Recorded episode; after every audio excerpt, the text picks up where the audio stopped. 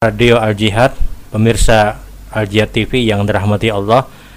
Kembali pada kesempatan hari ini insya Allah kita akan menjawab pertanyaan yang sudah dihadirkan. Assalamualaikum warahmatullahi wabarakatuh. Waalaikumsalam warahmatullahi wabarakatuh. Ustaz berapa berapa jarak waktu antara adzan dan iqamat?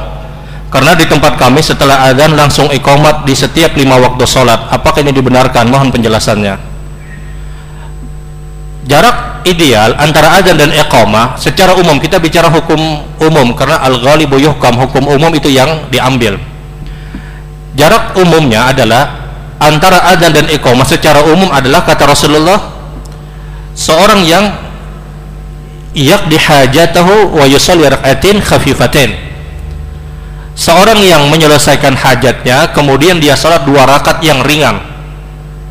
Jarak umum antara azan dan iqamah adalah seorang yang menyelesaikan hajat dan dia sholat dua rakaat dengan sholat yang ringan. Itu umum. Maka sebagian ulama kemudian mengambil ya kalau selesai haj, menyelesaikan hajat kemudian dia sholat dua rakaat diambil kurang lebih mungkin di 10 menit secara umum. Secara umum seperti itu.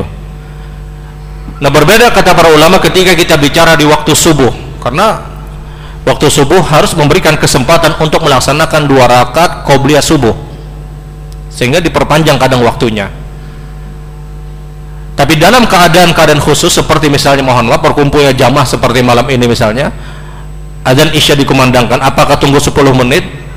Kalau jamaahnya sudah terkumpul ya sudah dia kerjakan saja untuk secara uh, berjamaah iqamah dia laksanakan iqamah kemudian dia kerjakan sholat berjamaah namun secara umum adalah seorang yang menyelesaikan hajat kemudian dia sholat dua rakaat. Ingat dua rakaat yang ringan dua rakaat yang tidak lama.